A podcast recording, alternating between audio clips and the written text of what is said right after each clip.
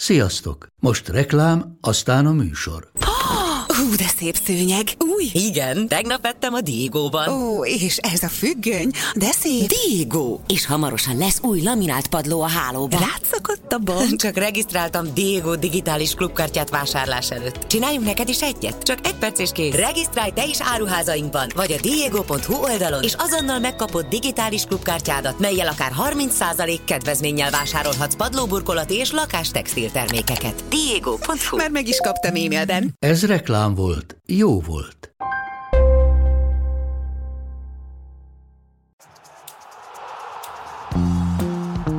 Ez a teljes terjedelem. Magyarország első futballpodcastja Baumstark Tiborral és Bognár Domával.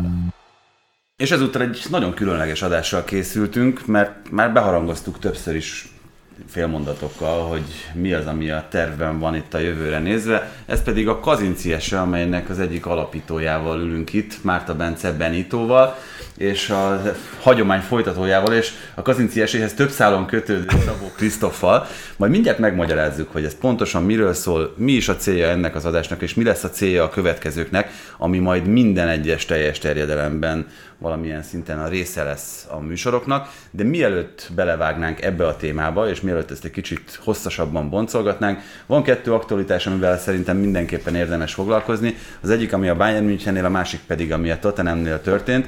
Nem akarunk nagyon-nagyon sok időt erre szánni, de azért arról, ami a Bayernnél történt Nagelsmann menesztésével, Tuchel kinevezésével, arról azt gondoltuk, hogy pár mondatot mindenképpen érdemes beszélni. Krisz?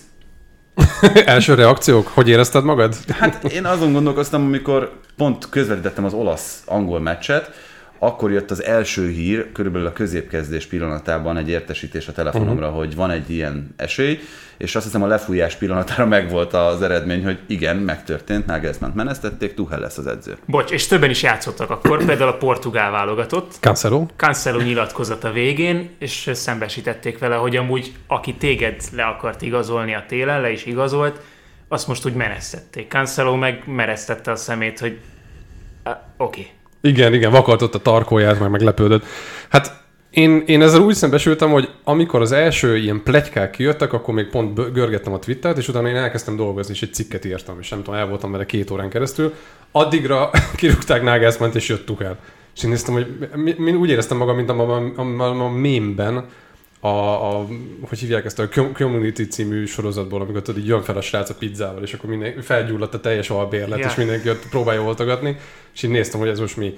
Hát nagyon meglepő volt, mert szerintem itt, itt, itt az idő, az egésznek a kirúgásnak a módja szerintem kifogásolható. Itt benne van az, hogy az időzítés, hogy tulajdonképpen Nagelsmannnál csak azt lehetett olvasni, hogy oké, okay, döcög a szekér, nem annyira jól megy, de itt van ez a BL a mérkőzés a PSG ellen, ez a nagy próbatétel, hogyha ezen túl megy, akkor nyilván megszavazunk neked a bizalmat. Most sikerrel vette, kiejtette a PSG-t, és ennek ellenére mégis kirúgják, de úgy, hogy nem feltétlenül egy ilyen egyenesági következménye volt ennek. A furcsa, hogy arról szólnak a hírek, hogy Tuchel igazából most volt elérhető, és féltek attól, hogy lecsapnak rá. Fogó. De az időzítés szempontjából oké, hogy van egy válogatott szünet, de a következő hétvégén már ugye Dortmund elleni klassziker, tehát uh-huh. hogy abszolút a bajnokság végkimeneteléről is dönthet, aztán City elleni rangadók. Hát igen, és Guardiola vakarhatja a fejét, mint a kriptonitja megérkezett az ellenfélhez. Not this again. Most csak ilyen mémekben fogunk gondolkodni. Igen, az egésznek van egy ilyen fear of missing out szaga. Hogy ez a, itt van Tuhel, vegyük meg gyorsan, hogy nem maradjunk le róla, és csak három, éve, három év múlva fog megint megélni egy ablak. Tehát, hogy ettől is fura. De nyilván attól is, hogy Nagelsmann ugye kivásárolták. 25 milliót fizettek annak idején, hogy, hogy leszerződtessék. Tehát az egésznek volt egy olyan aspektusa, hogy akkor most tulajdonképpen befektetnek, és hogy a jövőbe próbálnak meg valami fajta ilyen szemléletet belevinni most ehhez képest ez egy full rövid távú döntés. Azt mondják, hogy oké, okay, itt van az a Dortmund elleni meccs, itt van a Manchester City elleni meccs, akkor rúgjuk ki azt az edzőt, aki be így is pénzt investáltunk, a lelépési pénzébe is fogunk, a stábjának kifizetett kielégítésekbe is bele fogunk szaladni, és ehhez képest meg, amikor azt mondod, hogy egy Thomas Tuhelt hozol oda, aki meg pont, hogy egy olyan típusú kaliber szerintem, aki azért szeret konfliktusokat vállalni, aki szerintem, ha egy idő után nem feltétlenül alakul úgy a dolog, ahogyan azt ő szeretné, akkor hajlamos befeszülni. És ezt láttuk már egyébként Dortmundban, láttuk már Párizsban is, és most itt van egy vezetőség, aki meghoz egy olyan döntés, hogy tulajdonképpen az a pénz, amit belefektetett Nagelsmannba, azt így kidobja az ablakon, és elhozza Tuhelt, ahol biztos vagyok benne, hogy lesznek majd itt szikrák még. Nagyon hamarosan. Ez nem hosszú távú döntés, ez biztos, és az a mókás, amikor Hönes volt még az elnök, és Tuchel hirtelen kelendő áru lett, mint edző, akkor Hönes, aki mondom, akkor elnök Igen. volt, nem támogatta azt, hogy Tuchel legyen Elhárult az edző. az akadály. És hát akkor gondolkodtak rajta, ez volt a hiba, és akkor vitte el a PSG. Hát mert a Bayern, a Bayern az tulajdonképpen úgy működik, mint egy, mint egy nagyon teljesítménycentrikus család. És hogy Hőnesz ugye ezt, próbál, ezt a szemléletet próbálta bevinni, hogy ebbe a családba te beletartozol? Igen vagy nem? És hogy Tuchelben szerintem látta ezt a fajta ilyen túlságosan konfrontatív nem tudom, vonást, és ezért azt mondta, hogy akkor nem. Most ehhez képest én nem vagyok benne biztos egyébként, tehát hogy nyilván Nagelsmannnak szerintem vannak bajai, erről is mindjárt beszélhetünk. De nem vagyok benne biztos, hogy egyébként nem a Bayernnek egyfajta ilyen vezetőségi, ilyen, ilyen összeroskadását látjuk, azzal, hogy ugye már nem hőneszék vannak, hanem most már ugye Oliver Kánék, Salihamidzic.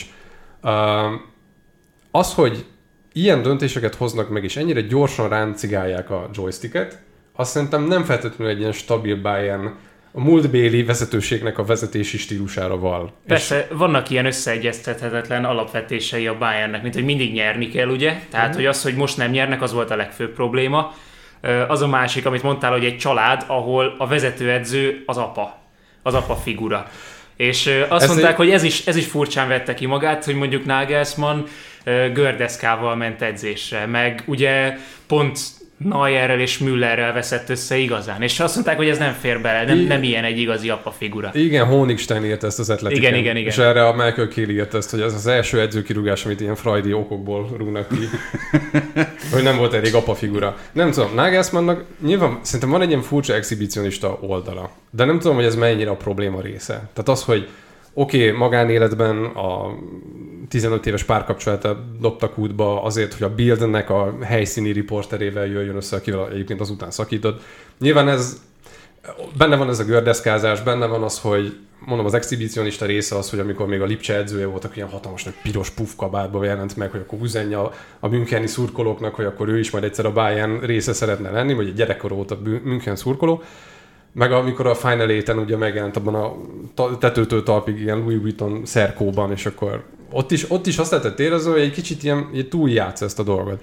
De szerintem, ha nem is vágja ezzel maga alatt a fát, ezzel szerintem legfeljebb azt ért el, hogy nem feltétlenül tudott olyan jó erős köteléket kialakítani az öltözővel, és szerintem ez benne van. Ez a furcsa, bocs, egy, egy utolsó még ide, talán ezt is Schönigstein írta, hogy az volt a gond, hogy a játékosokkal nem sikerült olyan kapcsolatot kialakítani mindenkivel. Volt, aki nagyon szerette, Kimi Helvileg nagyon-nagyon szerette őt, meg a vezetőséggel nem sikerült olyan jó kapcsolatot kialakítani.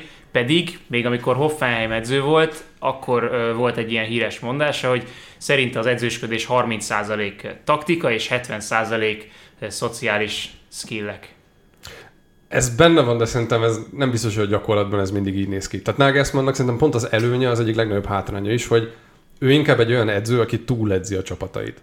És ebben benne van az, hogy akkor mikromenedzser, hogy túlszabályoz, hogy túlságosan ilyen struktúrákban gondolkodik, és hogy ez tavaly is meglátszódott, ezzel megpróbált egy kicsit finomítani, és voltak is ilyen utalásai, hogy akkor többet fogunk figyelni magunkra, és kevesebbet az ellenfélre, nem fogjuk ezt annyi szabdalni.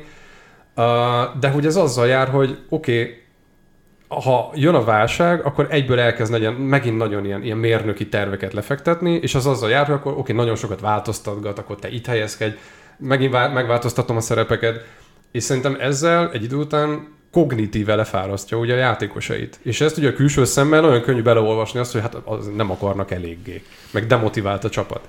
És hogy szerintem van egy ilyesmi vetülete, hogy ez egy ilyen típusú edzői stílus, ez akkor működik, amikor egy gyengébb stílusú csapattal vagy, egy gyengébb képességű csapatnál vagy, ahol azt mondod, hogy nincsenek jó egyéniségei, de akkor ezt tudod kompenzálni azzal, hogy szervezettebbek vagyunk, ügyesebbek vagyunk, Uh, de ez a Bayernünken, tehát hogy itt mindenki gyakorlatilag a top-top szint, és ez nem biztos, hogy ez a fajta túledzés az annyira átment ott az öltözőben. Csak hogy Benitót is megszólítsuk, Delikt mondta azt, hogy amikor az első edzését lenyomta Nagelsmann, és Nagelsmann utána lenyilatkozta, hogy azt mondta neki Delikt, hogy négy éve nem volt ilyen kemény edzése. De ezt Nagelsmann mondta, nem Delik. Igen, igen, igen. Tehát, hogy ez a egyesek szerint én vagyok a világ legjobb edzője. Azt mondják. Igen. Ja, reagálnom kell Delikte kapcsolatban. Csak hogy egy kis kedvencedet is, igen, megemlítsük. Nem, semmiképp sem bántanám ebbe az egész sztoriba, viszont ez szerintem inkább a Juventusnak szóló kritika, és el is tudom képzelni, tehát elnézve, hogy mennyire gatteron van mindenki gyakorlatilag a Juventusnál, mert most a tavasszal talán egy kicsit kevésbé igaz, el is tudom hinni, és Delikt sportszerűen nyilatkozgat a Juventusról, de hogy az ő karrierjének azt tett igazán jót, hogy elhúzott minél messzebb Torinóból, az egész biztos, független attól, hogy most ki lesz az edzője. Jó, de egyébként, hogyha itt előbb beszéltetek erről, hogy Nagelsmann milyen arcpolitikával vágott bele itt az edzői munkába, nagyon kíváncsi lennék, hogy konténál hogyan alakulnak ezek az arányok, a szociális képességek, illetve az edzői és a taktikai felkészültséget illetően. Neki nincs egy ilyen bombója, hogy akkor... Szerintem 99% taktikai, és 1% szociális képesség. A szociális készségeiről egyébként több volt játékos és írt könyveket, és ezekben ilyen nagyon vicces szemelvények vannak. Például, amikor a szünetbe kettő óra vezetett a Juventus, és a játékosok ilyen kacarászva egymást elgetve sétáltak be az öltözőbe, és megjelent Conte, aki nekifutásból egy vízes palackot úgy akkorát rugott bele, hogy Buffon mellett fröccsent szét a falon. Mert kiderült, hogy ki a 44. percben valaki eladott egy labdát rossz helyen, és ez nem tetszett Conténak. Mennyit a szociális készségekről, amikre ő amúgy is iszonyú magasról tett. Ez így szerintem a Hát, hogyha van ilyen székfoglaló, akkor nevezzük székelhagyó beszédnek ezt a 3-3 utáni nyilatkozatát, ami egyébként egy kimondottan csúnyára sikeredett. Nagyon. És a legpro- legfőbb probléma szerintem az volt, hogyha már itt a Nagelsmannnal kapcsolatos párhuzamokat keressük, hogy az egész beszéd alatt arról hallottál, hogy én és ők. Ők a vezetők, ők a játékosok, a csapat, tehát hogyha szerintem ez ilyen kommunikációs alapvetés egy edzőnél, hogy nem beszélhet semmilyen más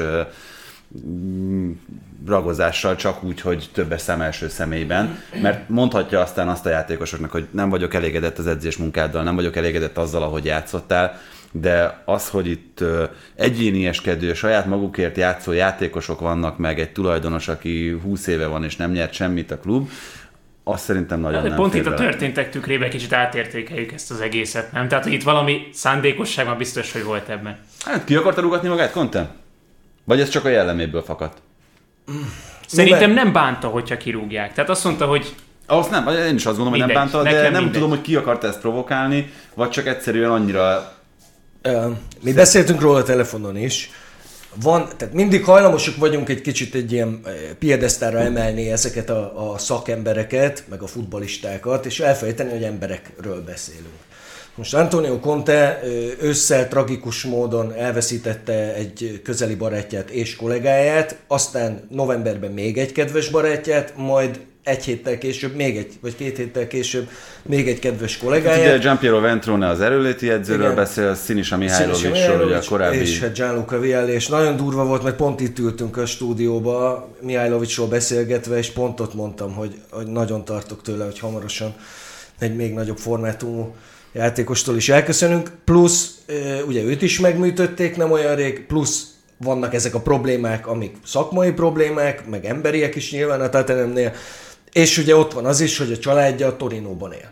Tehát nem kísérték el, meg tudom érteni egyébként, bár ugye ilyenkor mindig eszembe jut, hogy a magyar sportújságírók ezt, hogy Anglia egyenlő eső, na elárulom, hogy Torinóban többet esik az eső egy átlagosan, mint Londonban, de függetlenül ettől ez, egy, ez szerintem ez egy faktor, hogy, hogy teljesen ki van, nem jönnek a dolgok se, nem működik a csapattal, sem a játék. Ez a Milán elleni BL kiesés, ez valami rettenetesen rosszul nézett ki. És ugye ha beleillik abba a képbe, amit Antonio Contéről a nemzetközi porondon kialakítottunk itt évek során, mert itt a nagy bravúrok közül én nem tudok mondani egyet se. Viszont ilyen kellemetlen, nagyon csúnya kiesésből most már sorozatban elég sok van. Hát azt szokták mondani egyébként, hogy ami a legnagyobb bravúrja nemzetközi szinten, az, amit a válogatottal véghez vitt. Ugye Igen. ott azért nem olyan nagyon sok választott el attól, hogy Hát az elődöntőtől, ugye 11-esekkel esett ki, a németekkel szemben, ez ugye kicsit bocsánatos, ők azért ritkán vesztenek el büntető párbajt, de én egy kicsit azt gondolom, hogy annak az EB-nek az egyik legjobb csapata Antonio Conte volt. De nem véletlen, hogy az ilyen formátumú edzők azért inkább a pályafutásuk vége felé mennek szövetség. Mondjuk hozzáteszem, hogy igen, jól szerepelt ez az olasz válogatott. Most tegnap pont a Málta-Olaszország mérkőzés közvetítésére készültem, és megnéztem, hogy mikor találkozott a két csapat utoljára egymással. A 2016-os EB selejtező sorozatában 1-0 oda, 1-0 vissza, Graziano Pelle mind a kettő mérkőzésen. A... Tudtátok, hogy magyar barátnője volt? Igen? Nem, nem tudtuk. Na de még ennyit. Ez a kötelező egy... bombon mindenik Graziano Pellénél. még egyetlen egy apróság a Conte kirúgással kapcsolatban, hiszen ugye az is most már teljesen nyilvánvaló tény tegnap este óta, hogy ugye maradt az a Christian Stellini, aki eddig állandó harcos társa volt Konténak, ez mennyire lepett meg? Engem nagyon. Az a baj, hogy mi ezekből a dinamikákban nagyon-nagyon kevéssé látunk bele, tehát fogalmunk nincs, hogy ki az, aki igazából az ész ebben az egész sztoriban. Voltak hát, már ilyen meglepetések. Az valószínűleg segítette a szituációt, hogy most amiatt, hogy volt Kontének az epekő műtétje, amiatt többször is előfordult az, hogy Stellininek kellett edzést tartania, állítólag, ugye nem lehet tudni tényleg a háttérben ö, működő dinamikákat, de azt igen, hogy Stellini maga kijelentette többször is, hogy a kezdőcsapat kijelölésénél szabad kezet adott neki Conte, amikor ő látta egész héten a játékosokat, ami egyébként egy teljesen normális dolog, mert... És akkor jobban ment? Akkor jobban ment a Tottenhamnek? Hát volt egy szerintem négy vagy öt meccs, ahol százszázalékos volt még a mutatója Sterling, bármennyire is kevés, az azért közte volt egy, egy City meccs, egy Marseille elleni, ugye a legfontosabb BL meccs, ott is pont Sterling irányított még ősszel. Sterling jobban beszél angolul, mint Conte egyébként. Na jó, mondjuk nincs olyan marha nehéz dolga. azért így hallott Contét még mindig azzal a ilyen 150 szóval lavíroz. Elég sok mindent kifejez egyébként azzal, hogy belesző néha olasz szavakat is, meg hát az arcára elég sok mindenki ül. Nem tudom, ez mennyire forog közszájon. Ugye Konténak az volt a becene, vagy macska, amikor a hajbeültetését megcsinálta, akkor ezer röhögött mindenki, hogy úgy néz ki, mint egy macska ülne a fején, és ehhez hozzá csapódott így menet közben, hogy mérges, úgyhogy a mérges macska lett a beceneve, mert állandóan mérges, és állandóan úgy néz ki, mint aki fel akar robbanni.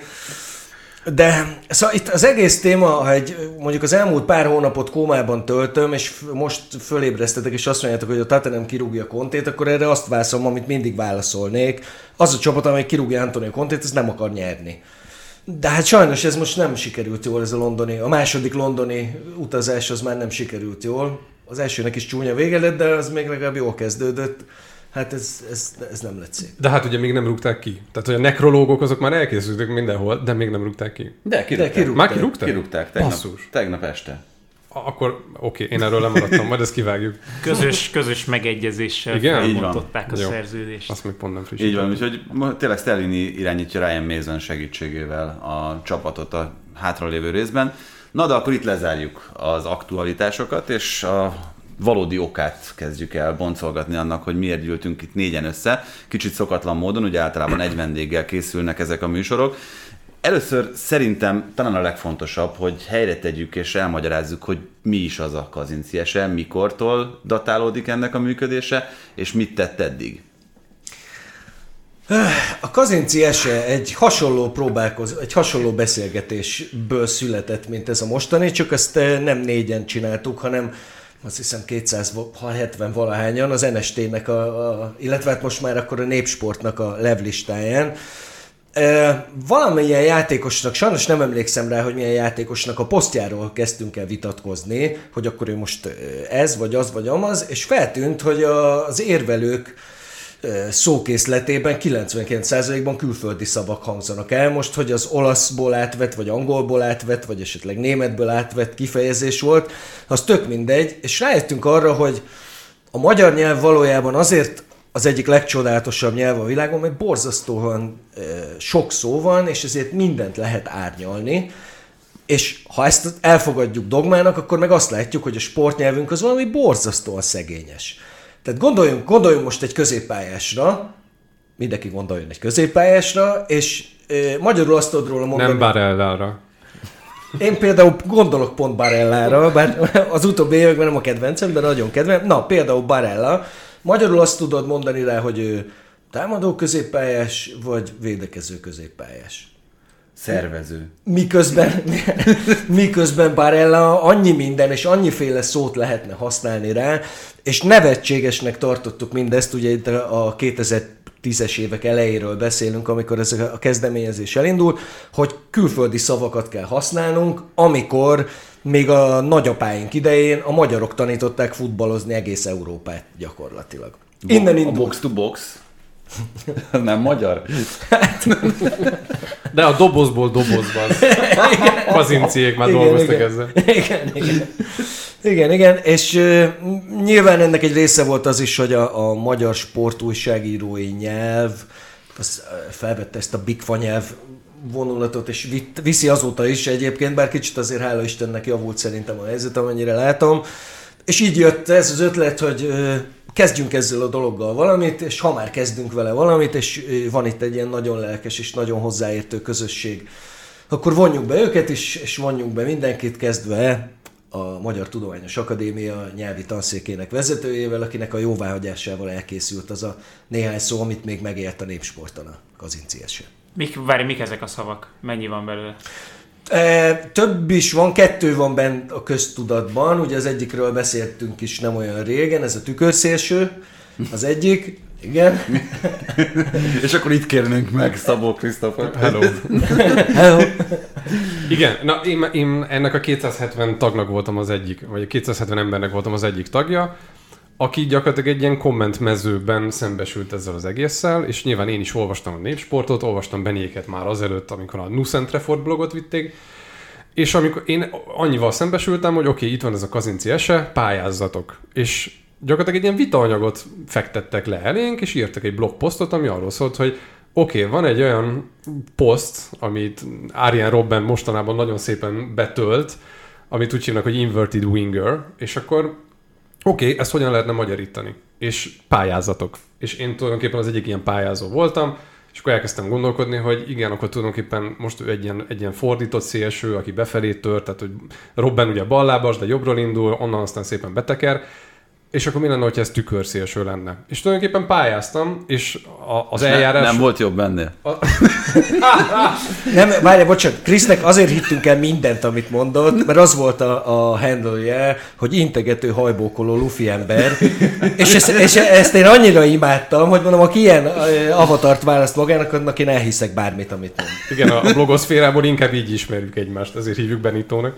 Uh, igen, és akkor tulajdonképpen annyi volt, hogy pályázni lehetett, és aztán megszavaztam választották. És hát gyakorlatilag a szavazáson ez, ez a szó nyert, és akkor onnantól kezdve, hogy ez hogyan tudod beépülni a köznyelbe, az még nekem is homályos. Tehát azt nem, nem tudom, hogy volt egy ilyen jóváhagyó kör, vagy csak simán a köznyelv azt mondta, hogy ez jó, ez rá, rá jön a nyelvünkre, akkor elkezdjük használni. De ez, ez így, így történik. Tehát a szavak azok így születnek, a kifejezések így születnek.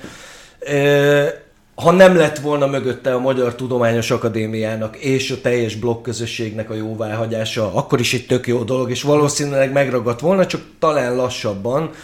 Nyilván a, ehhez is a másik szó, ami egyébként a, a szárnyvédő volt, ugye a wingbackre. A wingbackről indult el egyébként az egész, mert ez volt, ez tűnt ilyen nagyon nevetségesnek, hogy nem, nincs rá magyar szó, nem, nem tudsz rá mit Szélső. mondani.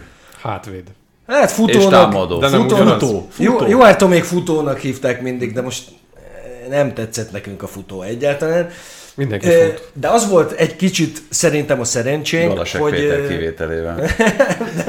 Na ezt most, ha itt lenne Tomi, nagyon tudom, csúnyán nézne tudom. rád, mert mindig Jó, megvédte csak... Galasek Petit is, meg Szilveszter Ferit is. Igen, tudom, de itt most, itt most ez csak a poén faktor miatt. Igen. szóval... Valderáma se futó. Magának... Nem, befejeztem, folytassátok. szóval nagyon fontos része volt annak, hogy ezek elterjedtek ezek a szavak, hogy az NST olvasói, kommentelői, követői között olyan potens figurák is voltak, akik mérkőzéseket közvetítettek, és egyszerűen beemelték a köznyelvbe, azzal, hogy elkezdték. Mondjuk azt Nem, én nagyon borzasztó boldogan, boldogok. Én mindig emlékszem, hogy külön megdobbant a szívem, amikor a közvetítésekben meghallottam ezeket a szavakat, úgyhogy Úgyhogy ez egy szerencsés dolog, az már kevésbé, hogy ugye megbicsaklott ez az egész konkrét technikai okok miatt a nemzeti sporton meghalt a kezdeményezés, és aztán nem született újra, egészen addig, amíg az én drága kedves barátaim meg nem kerestek egy pár héttel ezelőtt, hogy ők szívesen felkarolnák ezt a dolgot. És azt látom, hogy ez egy szuper jó kezekbe kerülne ez a dolog veletek. Itt ugye azt kell leszögezni, hogy ugyanazt, amit elmondtál a blog közösség jóváhagyásával, és azt gondolom, hogy mindenki, aki nem csak podcastot hallgat, hanem olvas akár újságot, blogot, fociról, meg egyéb más sportágakról, itt elsősorban a teljes terjedelem miatt a focira korlátozódnánk, de nem vindikálnánk magunknak a jogot, hogy itt fordításokba belemenjünk, legfeljebb addig mennénk megint, hogy javasoljunk valamit, és aztán természetesen a hallgatók, olvasók, ahol amilyen fórumokon megjelenik majd ez a dolog, véleményét kikérve, ismét természetesen az akadémiát is belevonva ebbe az egészbe, szeretnénk megfelelő fordításokat, vagy megfelelő kifejezéseket találni, de nem csak ennyiről szól ez az egész, és szerintem ez a leglényegesebb, hogy nem az az elsődleges, és nem csak az a célja ennek a kazinci esének, hogy találjunk megfelelő fordításokat olyan terminusokra, vagy olyan kifejezésekre, amik a magyar sajtónyelvben, köznyelvben, vagy akár csak tényleg itt a kommentátorok munkáját nézzük, azok helytállóak, hanem hogy elmagyarázzunk olyan statisztikai mutatókat, vagy olyan szavakat, amik már benne vannak a köznyelvben, de vagy helytelenül, vagy nem használják ezeket, Ezekre is rengeteg példát gyűjtöttünk ki, és bemelegítésképpen mielőtt ezeket a példákat elmondjuk, hogy úgy sokkal érthetőbb legyen, azt gondolom, hogy mindenkinek fölteszem azt a kérdést, hogy mi az a kifejezés, amit valaha használt, akár írott, akár beszélt formában, és a legjobban szégyel. nem lövöm le a Cerberust, mondhatod te. De nem azt De én azt hiszem sose írtam le egyébként. Én, én, én Írtál Cerberust? Cerberus nem, de biztos vagyok benne, hogy valahol 14 éves koromban leírtam azt a szót, hogy gorcső. És hogy vegyük gorcső alá az, hogy mi történt a pályán. Tudjátok mi a gorcső egyébként? Én nem. Biztos valami katonai eszköz. Nem, mikroszkóp. Igen? A régi is neve a mikroszkópnak. Na. Akartam mondani, hogy küldjenek egyet. Nekünk, és akkor, meg, akkor megvizsgáljuk. Vegyük, vegyük mikroszkóp alá. Hogy vegyük gorcső alá. Én, én sokat vétkeztem. Oh. Bánt meg bűneidet, Tibi. Tehát biztos, hogy használtam. Ide, a... ide húzom addig ezt a... Amikor, amikor elkezdtem még a Komlosi Oktatási Stúdióba járni 2002-ben, akkor ugye miután ezen szocializálódtam, tehát én ezért nemzeti sportot, meg népsportot olvastam gyerekkoromtól, ezért ugye sokszor mondták ott az akkori első munkáimra, hogy hát én nagyon, nagyon magyar sportsajtó, és akkor még nem is feltétlenül értettem, hogy ezzel most mi a probléma. Aztán, ahogy telt az idő, úgy kezdtem szerintem ledobni elég sok mindent, nem biztos, hogy mindent sikerült, de lehet, hogy még talán, hát írva biztos, hogy nem, de de szóban lehet, hogy elhangzott a maródiak listája is tőle. Oh, aj, aj, aj, az, a maródiak listája ez az egyik legnagyobbot horzsoló szerintem, mindegyik közül. Doma, te már kicsit későbbi generáció tagjaként talán kevésbé ö, vagy érintett ebben, de van olyan, amit az a baj, példát most nem tudok mondani, de, de nekem is ö, csak hogy, csak hogy akkor valami önreflexió tényleg legyen benne. Én azt veszem észre magamon, hogy nagyon sokszor belefutok ilyen anglicizmusokba. Tehát pont abban a problémában, amit egyébként Benni is mondott, hogy... Amit megoldani remélünk. Annyira, annyira, tehát hogy nyilván mivel franciául olvasok, angolul olvasok, benne van az, hogy a szaksajtóból ez jön át, és gyakorlatilag nincs egy ilyen filterem, filterem ami egyből elkezdi magyarosítani, és amikor elkezdek vagy írni, vagy beszélni Egy róla, ilyen akkor... szűrőd, akarod mondani? Észrevette, észrevette!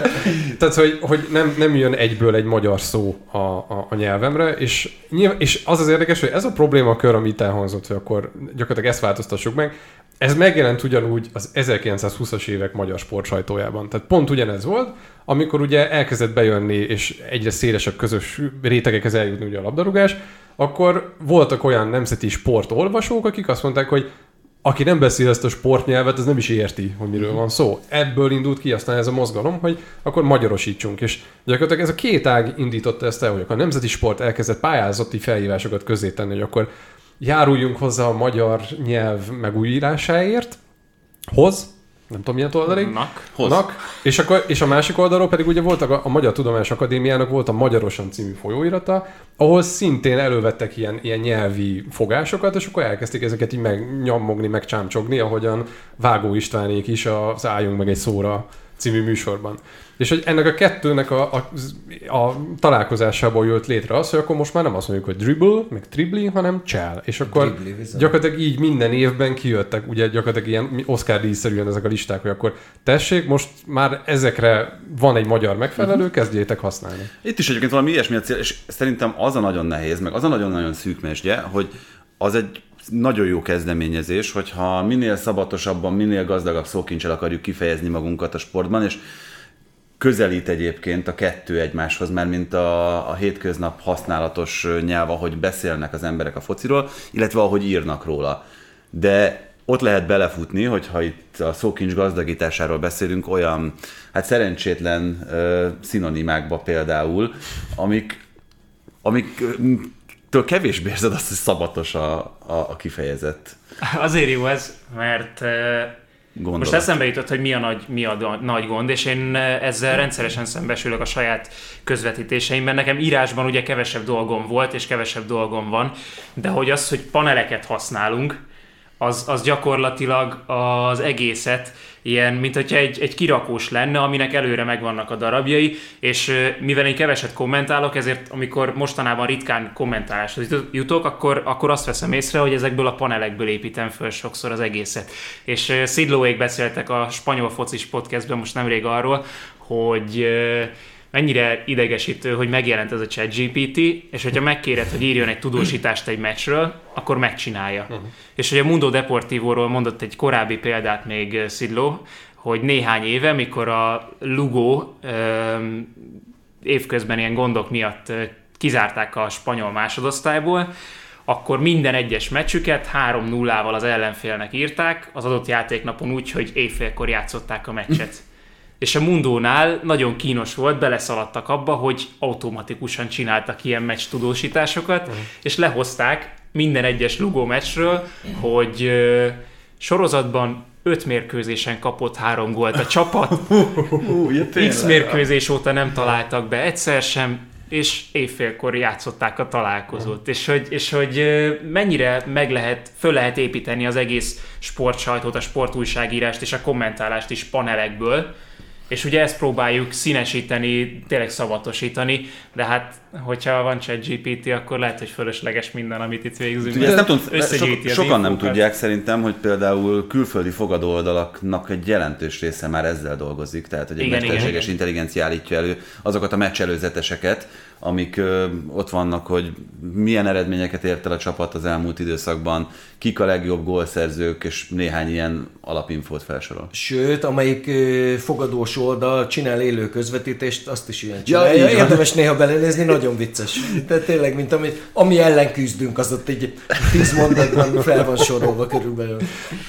Tehát, tehát tulajdonképpen ennek, a, ennek az egész kazinci ese kezdeményezésnek pont van egy ilyen vetülete, hogy az egyik az az, hogy amit, amit külföldi sa- szaksajtóban érdekességként találunk, azt magyarosítsuk, másrészt meg valahogy így tudatosan kezdjük el használni a nyelvet, és hogy vegyük észre ezeket a vagy szinonimákat, vagy becsontosodott ilyen kifejezéseket, amik már ilyen klisészerűek, és ezeknek a kifordításáról is néha jó beszélni.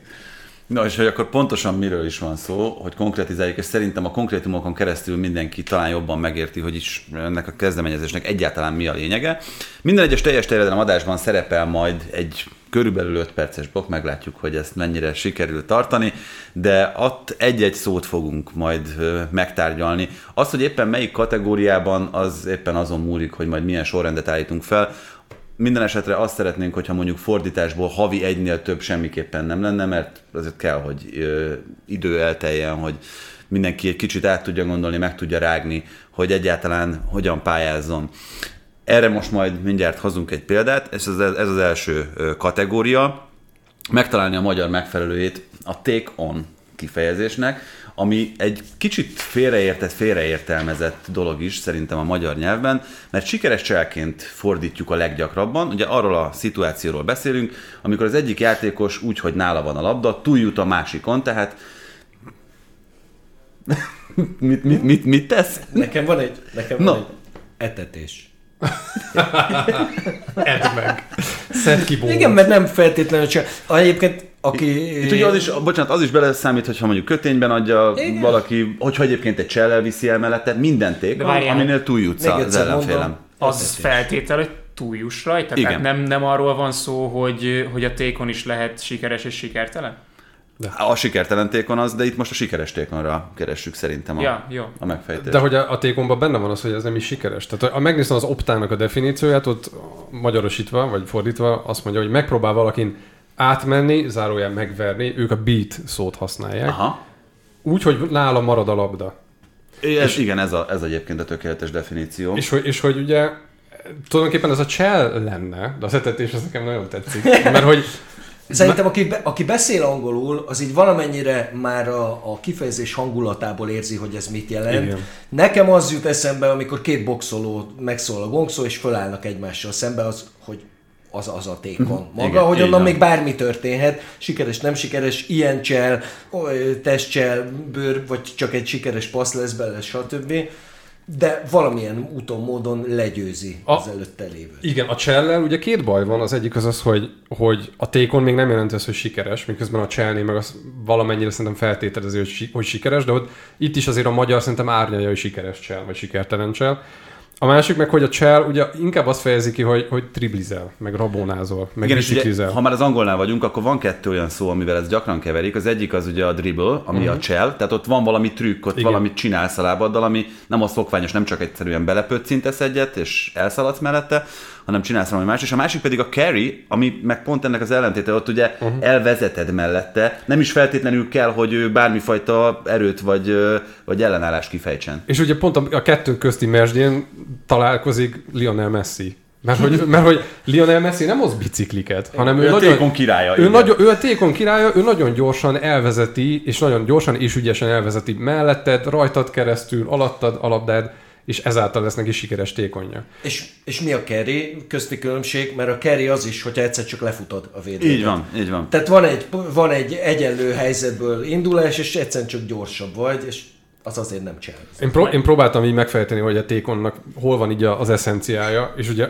ott van a Tékon Mi című szám az Ahától. Csodálatos. Ami ugye egy norvég együttestől érkezik, és ezt bejátszuk ide. Ezt majd ide bejátszuk, a klippel együtt, mert a klip volt a legenda, nem is a szám. És ugye ott is gyakorlatilag a dalszöveg alapján az arról szól, hogy a srác hogyan szólítsa meg a lányt. És hogy ebben benne van az, hogy a tékon az, az ugye arról szól, hogy magadra veszel valamit, hogy felelősséget válasz valamiért, hogy engage, engaging moment, hogy ez a bevállalod. De ugye amikor magyarul azt mondod, hogy bevállalod, annak meg már van hirtelen egy ilyen csernusos utóíze, amit meg nem nagyon tudsz használni. Vagy a bevállalod Brother a híres nagy múltú Big Brother című műsorban. Szóval van tippünk, vagy teljesen a hallgatókra bízzuk azt, hogy hogy mi legyen. Van, van nektek, neked az etetés? Ez komoly volt, vagy? Hát félig vicces, de ezek az ilyenek is meg tudnak ragadni, Jó. nyilván nem erről van szó, de ilyenkor szerintem azért jobb inkább csöndbe maradni, uh-huh. mert egy kicsit minden ilyen gondolattal félre is uh-huh. viszed, vagy valamilyen irányba tereled a, a szárnyaló okay, fantáziája. Van, van olyan, amit, amit kitaláltál, azt akkor azért nyugodtan. Hát én az etetést kitaláltam, köszönöm szépen. Okay. Hát akkor ennyi. Én felírtam magamnak a párbajt, de tudom, hogy az nem megfelelő, mert a párbajt alapból használjuk ilyen védekezési szituációban. Az amikor, párharc, nem? Vagy Hát a párharc az ugye meccseknél is, amikor azt mondod, hogy a, a párharc a Real Madrid meg a Barcelona között, de ugye a párbaj az, az a része szerintem a futballnak, amikor mondjuk van egy 50-50-es labda, és akkor ketten felugranak, hogy akkor Igen, a párbajban nincs benne az, az, hogy ez egy támadó Így van. labdás mozgás. Így van. De a tékomban benne van az, hogy itt valaki kezdeményez, Úgyhogy én a leg, ameddig jutottam, az kb. a cseh kísérlet. Tehát, hogy a kísérlet maga, mint ilyen próbálkozás, vagy ilyen próbatétel, ez az, amit talán még valamennyire lefelé. Két, két szempont lebegett még a szemem előtt, amikor, amikor ezen gondolkodtam. Az egyik az az volt, hogy, hogy egy közvetítésbe hogyan lehet beépíteni és például ez a gondom a, az etetéssel, az etetéssel hogy ha a közvetítésbe be is tudod építeni mondjuk adott esetben, de a másik az, hogy mondjuk, hogyha van egy olyan táblád, ahol szeretnéd te felsorolni, hogy miből mennyi volt egy meccsen, ahogy a tékont azt, azt számolják, akkor a sikeres kapuralövési kísérlet és a labda, Majd arra labda is valami százalék között az etetés, az, Igen. az lehet, hogy Egyébként a, a párharccal nekem egy kicsit az is a bajom, hogy, hogy talán fölvehetjük, mert keveset használunk német szakkifejezést. Duel? Nem, a Zweikampfstark, ezt a németek így használják. Megkedveltem. Hát, ezért kéne rá egy magyarítás, mert magyarul nem tudod megmondani, hogy mit jelent az, hogy valaki erős. Párharcerős. Hát jó, de... De miért? Az miért, az miért vagy párharcerős? Ki mondtad már az életedben, hogy párharcerős a 4 millió 267 óra közvetítés során? Nem, nem mondom, hogy, nem mondom biztosan, hogy nem. Meg kinek van ennyi ideje, ennyi szótagra, hogy pár harcerős. Igen. De erre kell, kell valami ilyen. Szinte hallom a, a Szátánc közvetítésében. Barbájt, Zweikampfstark. Magyarul pár harcerős. Ez az. Na, oké, szóval ez volt akkor az első szó, és néztem az időt, egészen szépen belefértünk az időbe. 5 percben? Hat, nekem, hat bocs, perc nekem még van egy ötletem Ma ide. Nem. Csak annyi, hogy, hogy a rávezetés szóval uh, mi, a, mi a bajunk. Tehát az, a, a maga a definícióban benne van az, hogy, hogy valaki rávezeti az ellenfélre a labdát. Aha. És a rávezetésben benne van az is, hogy, hogy, hogy a labdával van. Nekem tetszik az nincsen benne, igen, az nincsen benne, hogy, hogy, első, ami... hogy túljut rajta, uh-huh. de lehet sikeres vagy sikertelen rávezetés. El is engedtem az etetést. Nekem tetszik a rávezetés. Na oké, okay, de ez tényleg csak tipp, oké, okay, de tényleg hát ez, amiről beszéltünk, hogy szerintem tök jó, hogyha tudunk mondani tippet, de azzal sincsen semmi baj az égvilágon, hogyha hogyha ezek, ezek érkeznek. Másik kategória, hát uh, itt Bence úgy fogalmazott, hogy idegesítő választékosnak szánt modoroskodás, és itt ugye olyan um, játékelemeket, vagy mondjuk játéktartozékokat nézünk, amikre azért viszonylag sok mindent használunk, és sokszor kell kimondani közvetítés során, akár egy tudósításban is ez viszonylag sokszor szerepelhet. Ilyen a labda természetesen, mint a labdarúgás egyik legfőbb eszköze, és azt kéne megtalálni itt ebben, tehát most anélkül, hogy bárkit bántani akarnék, hogy mi az, ami belefér? Belefér a laszti? Belefér a bogyó? Belefér nem és a, nem. Belefér a játékszer? Vagy labdát mondjunk ötvenszer? hm. Én, ebben, én ebben nagyon határozott álláspontot képviselek, szerintem semmi baj nincs a szó ismétléssel. Oh, köszönöm szépen. Ezt akartam mondani, hogy volt az Indexnek egy legendás olvasó szerkesztője, Zsadon Béla, aki a Szelét Grammatika Náci című blogot is vitte, és ő, ő vele fordult elő egy párszor, hogy ilyen iszonyatos tirádákat kivágott, hogy a magyar tanároknak a jó édesanyját, hogy beleverték egy generációba, hogy a szóismétlés az halálos bűn, és végtag csonkítás jár érte, és ebből jöttek ezek a rettenetesen blőd, pettyes. pettyes nem a pettyes nem az a legdurvább a pettyes, és ezt egy időben rendszeresen hallottam. Jó, azért változott ez is most már. Már nem pettyes a, a labda. Például már nem pettyes ez, ez kizárta a pettyes. Meg már nem bőr. Ja, tényleg volt bőr is. A bőr. Igen, ezt, ezt akartam mondani, hogy próbáltam még gyűjteni a Bencének a gyűjtése mellé, Foca. és ugye a, a foca, a zsuga, a, zsuga a, a bőrgolyó, meg, ami a legjobban zavar, az a gömb. Tehát, hogyha valaki azt mondja, hogy a... Én azt nem is hallottam. Én sem. Gömb. Igen. De a gömbre azra belerepítenél valamit te is a tévé közepébe. Meghallod egy gömböt. Például. Viszont mióta, mióta tudom, hogy, hogy ugye lesznek ezek az adások, azóta direkt hallgatom ezt a közvetítésekben. És, és hallottál gömböt? Gömböt nem hallottam, az, az, az régebbi. Viszont a lasztit én már hallottam úgy, hogy egyáltalán nem zavarta a fülemet, egyáltalán nem ütötte a, a fülemet. Az, az a szó, amire a, a szótárban oda kerül mellé zárójelbe, hogy bizalmas. Uh-huh. Mert, mert az ilyen... Uh-huh. Biz igen, biz. És, és ö, van, ahol el lehet rejteni úgy, hogy, hogy ö, ne legyen zavaró a fülnek szerintem. Ö, több, több olyan modoroskodó is van, mint a, a bogyó, ami már, ami már nagyon zavaró tud lenni. Én a játékszert meg a... Mit mondtam most? A lasztit. Igen, ezt a kettőt ö, hallottam úgy, hogy, hogy ne legyen zavaró a fülnek. Szerintem sokszor ez nem is, nem is az ismétlésről szól, hanem sokszor inkább az, hogy a polcon a legkönnyebben elérhető panelről. És hogy például a teljes terjedelem két, két házi gazdája, Baumstar Tibi és Bognár Doma duója. Miért kell oda tenni, hogy duó, érted? Tehát, hogy az ilyen típusú... Egy, innen tovább, ami engem iszonyúan zavar, a csapata. Kilép a pályára Juventus csapata. Tehát ott Igen. van a polcon, és leveszem. De akkor, akkor mehetünk is ebbe az irányba tovább, mert a következő az pont ezzel kapcsolatos, ami egyébként megint csak egy ilyen szinoníma adagról és listáról van szó. Klub, csapat, alakulat, egylet. Gárda. Ö, Gárda, egyesület. Igen, és ott hogy még vannak olyan finomságok is, és azért nem egy kategória itt a labdával, mert mondjuk eddig mondhattuk azt a Tatanemre, de most már nem, hogy Conte fiai. Engem, ami, egyébként, ami, ami megüti mindig a fülemet, az az, amikor jönnek, hogy, hogy mit tudom, a PSG játszik, és azt mondják, hogy támadnak a franciák, és így nem, ők nem franciák, ők legfeljebb párizsiak, mert hogy Párizsban élnek, de hogy a PSG-ben nem csak franciák. A francia csapat tele. játékosai? De nem, tehát hogy nem, azok támadnak a párizsiak. Azzal szerintem nincsen baj, csak amikor azt mondod, De nem franciák... párizsiak, hát Verratti mitől lenne párizsi? Mert Párizsban él.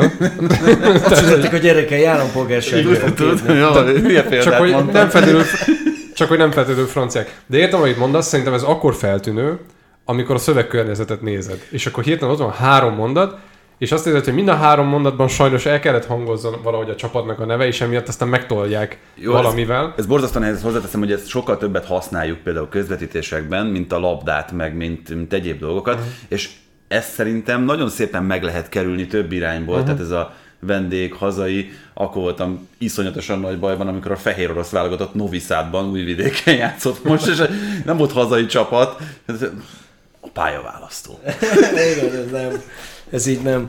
Egyébként az Indexnél tilos volt a csapatok beceneveit is használni. Aha. Nagyon helyes. Tehát nem Na lehetett ez... leírni, hogy kalapácsosok, meg sonkások. De ez hülyén is hangzik magyarul. Nagyon hülyén. Nem? Borzasztóan. Én nem, tehát nyilván nem bántam, Sonkás. hogy nem lehet leírni. Meg, meg... De ugye ennek is van egy határa, amíg el lehet. De még az öreg hölgy is szar.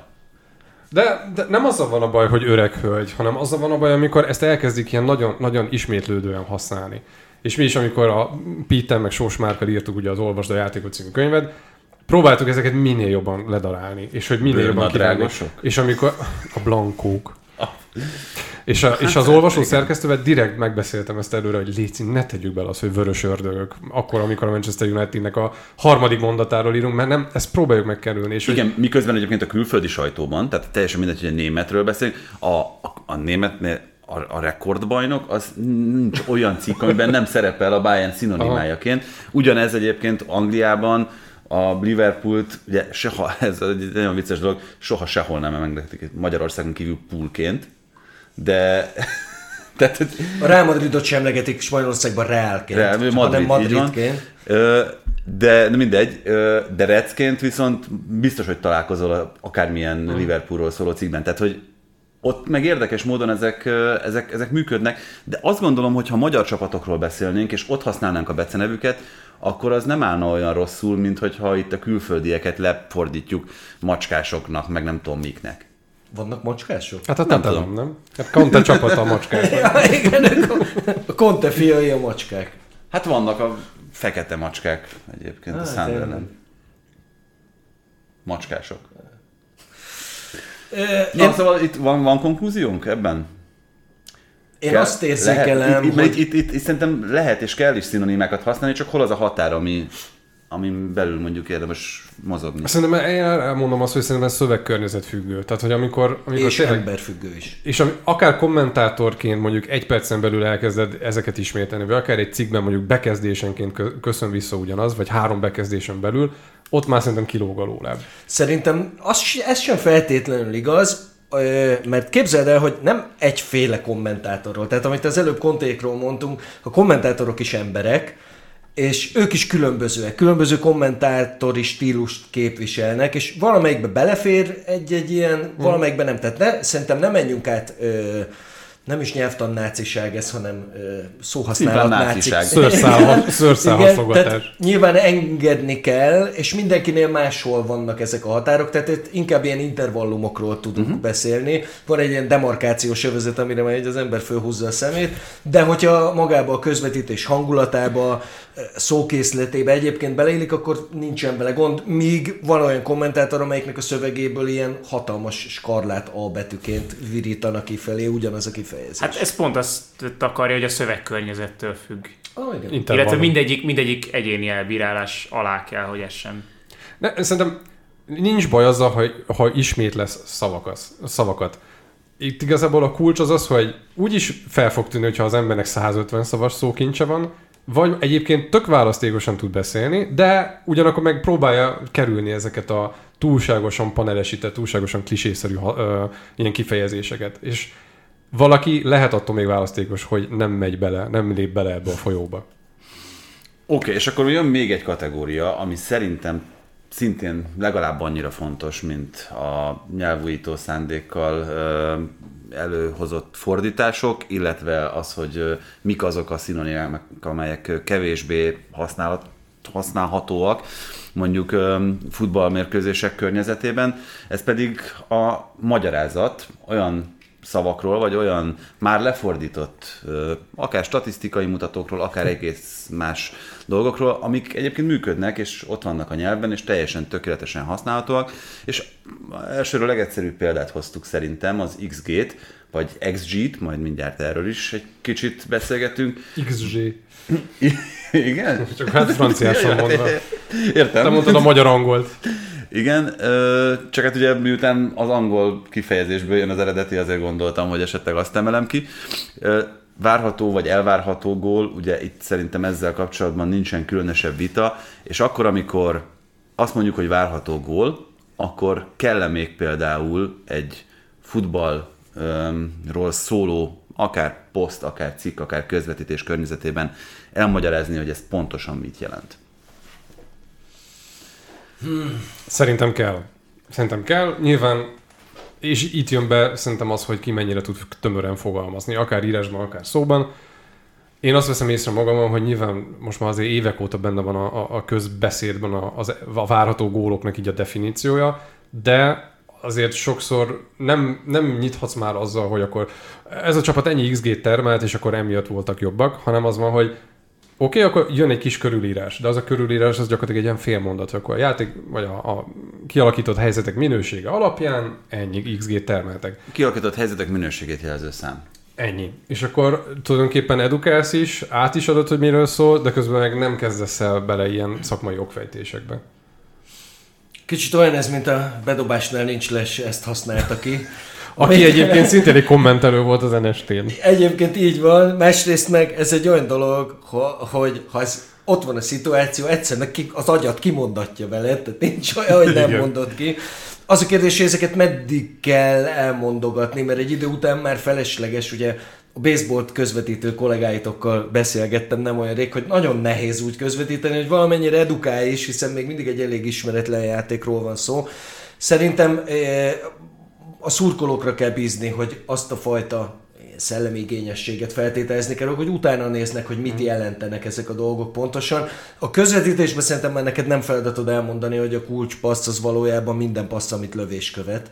Tehát ha középpályán játszik, mert te Oleg Sirinbek, akkor lesz 20, kulpa, 20 kulcspasszod, akkor is, ha nem akarod. Tehát én inkább azt gondolom, hogy egy kicsit elindult most ebbe az irányba. Rákapcsoltunk erre a 90-es évek vasasára. Tehát egy kicsit azt gondolom, hogy talán inkább abban van szerepe a kommentátoroknak és a futball közbeszédet akarva akaratlanul egyébként irányító emberkéknek, hogy hogy tudatosítsák az emberekbe, hogy a statisztika az nem istenség, és nem tévedhetetlen hétszentség, hanem egy fontos mankó, de valójában pont azért is imádjuk ennyire ezt a sportágat, mert talán az összes csapatsport közül a legkevésbé leírható számokkal. Viszont próbálod minél inkább bevonni a nézőt, és azt éreztetni vele, hogy te ennek részese vagy. Az egyik barátomnak, nem tudom, hogy akarva vagy akaratlanul volt egy ilyen megjegyzése, nem XG-t mondott, hanem X gólt. Ami elsőre nagyon furcsán hangzik, de hogyha a várható gól, ami amúgy nem annyira körülményes így kimondani. Végé. Végé. Az, az nagyon elidegenít, vagy nagyon hosszú lenne. Foglalt. Így, így kimondogatni. Akkor, akkor az X gól szerintem sokkal közelebb hozza a, a, a nézőt azzal, hogy maga a gól szó így benne van, és nagyjából tudja, hogy miről van szó, mint az, hogyha XG-t mondasz, mert az olyan, mint hogyha um, De úgy bár, néznél egy dokumentumfilmet. XG-t mondjunk, vagy várható gólt? Hát nem mondasz olyat, hogy G plusz a a közvetítésben, hanem ott is azt mondod, hogy gólok és gólpasszok. Tehát, hogy az, a, én szerintem nyugodtan lehet minden esetben az XG helyett várható gólt használni. Hát inkább azt, mint az elvárt gólt. Mert egyébként pont ezen, ezen gondolkodtunk, és szintén egyébként a könyvírás közben, hogy most akkor az elvárt gól, vagy várható gól. Mert ugye az expected goals, mint fordítás, az valahol mind a kettő működik, de melyik az a jelentéstartalom, ami jobban lefedi ezt az egész statisztikai mutatót? A jelentés tartalmával nincsen gondom. Azzal van gondom, hogy mivel a, a bármilyen foci szeretőnek a, amit követ, legyen az akár közösségi média, legyen a, a bármilyen eredmény követő alkalmazás, ott nem lát majd várható gólt, és amíg nem egyértelmű, hogy melyik fogalomhoz kell ezt társítani, addig az XG-hez inkább az X góllal tudod kötni azt, hogy ez, ez mit is jelent, és onnan kötöd rá a várható gólra, mint hogy hú, várja, melyik is volt a várható gól, azt, azt hogy kéne az milyen, milyen szám nagyjából? Hát de szerintem ez médium kérdése. Most egy televízióban, mondjuk egy stúdiós szünetben azt mondod, hogy tulajdonképpen van egy ilyen vizuális támogatásod, tehát mutatsz egy táblát, de közben ugye beszélsz, tehát a kettőt igazából tudod erősíteni. Kommentátorként gondolom, úgyis szavakkal kell festened, tehát akkor el kell mondanod, hogy várható gól, stb. stb. írásban, meg tulajdonképpen valahol arra is törekszel, hogy úgy írj, hogy azt tulajdonképpen legalábbis szerintem az újságírásnak van egy ilyen igyekezete, hogy úgy ír, hogy akkor esetleg az édesanyád is megértse.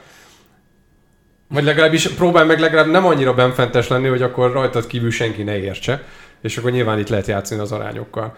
Ö, olyan szép a szavakkal festesz, ez annyira szép volt. Oh. Ez egy ilyen műsorban ilyeneket akar hallani az ember. És közben látom, hogy koalás zokni van rajta, zseniális. Két dolog, amit ma megtanultatok róla. Szóval, tehát hogy szerintem médium függő az, hogy mennyire használod ezeket. Nyilván, amikor egy ilyen jelenségnek mint az XG az elején, viszonylag egy ilyen görbéjének az elején vagyunk, szerintem kell az, hogy egy kicsit edukatívabb legyél, és akkor ez lehet, hogy azzal jár, hogy kicsit több kötelező kört kell lefutnod. Aztán majd lehet, hogy eljutunk egyszer oda, mint a kulcspasszoknál, hogy már mindenki tudja, hogy mi az. Nem tudja szerintem meg mindenki, úgyhogy szerintem a kulcspassz is olyan lesz majd, amit egy adásban, egy ilyen kis rovatban elmagyarázunk. Ez volt egyébként nagyjából, hogyha tetszett, akkor majd azt is azért természetesen írjátok meg, és beszéljünk róla amivel foglalkozni akarunk, és innentől kezdve majd minden teljes terjedelemnek a része lesz a Kazinci ese, és majd várjuk természetesen itt a Tékonra, és az x ra is a javaslatokat, meg arra, hogy, hogy melyik mennyire használható, melyikre miket javasoltok, és aztán ez remélhetőleg majd további életet fog élni. Mennyire tetszett nektek ez a beszélgetés? Én még mindig ilyen hála, hálás, hálás szemmel rebegek azért, hogy ezt ö, fel akarjátok karolni ezt a dolgot, és borzasztó boldog vagyok, mert nagyon jó kezekbe kerül veletek. És arról beszéltünk, hogy ebben van mindig egy ilyen szarrágás. Én tudom magam, hogy ilyen szarrágó vagyok, úgyhogy én nagyon élvezem azt, amikor ilyen szarrágás. Szarrágásra is majd kell találni egy másik szót. Igen, itt ugye sok minden van, tényleg rengeteg szót gyűjtöttünk össze azok közül, amiket itt föl tudunk dolgozni úgy is, mint szinonimák, föl tudunk dolgozni úgy is, mint elmagyarázandó statisztikai mutatók, vagy akár tényleg a szerelési fajtákra kicsit rávilágítunk, hogy milyen apró különbségek vannak itt külföldi terminusokat nézve. Azért jó ez, mert ugye mond, mondtok példát, hogy mi nem tetszik nektek, mondunk példákat mi is, hogy mi nem tetszik nekünk, és akkor így akár sportújságíróként, akár kommentátorként, ha hallasz valami olyat, amit te csinálsz, akkor kicsit elszégyeled magad, hogy ú, ezt, ezt nem kéne, de az egész az nem erről szól, hogy, hogy bárkit, igen, bárkit, bárkit úgy kritizáljunk, hogy, hogy milyen hülyeségeket mond, ír, beszél bármi, hanem hogy elgondolkodtassunk, hogy, hogy vitára hívjunk mindenkit, és ezért kérjük azt is, hogy ti is nyugodtan kommenteljetek, írjátok meg, hogy nektek mi az, ami, ami nem feltétlenül tetszik annyira, de, de nem kell senkinek a kardjába dőlni, hogyha esetleg Igen, én például, én például szándékosan nem mondtam ki, amit az XGS felírtam magamnak, hogy go. Mert hogy majdnem gól. Hát azt hiszem végszónak. Ennél szebbet nem tudnék találni. Kicsit most meghaltam. Igen, go away. Köszönjük, hogy meghallgattatok. Jövő héten jövünk természetesen a normál adással, és benne a kazinciesével, ahogy mostantól minden teljes terjedelemben. Srácok, nagyon szépen köszi, hogy belevágtunk ebbe. Élmény volt. Nektek is a meghallgatást, hallgassatok minket továbbra is, sziasztok!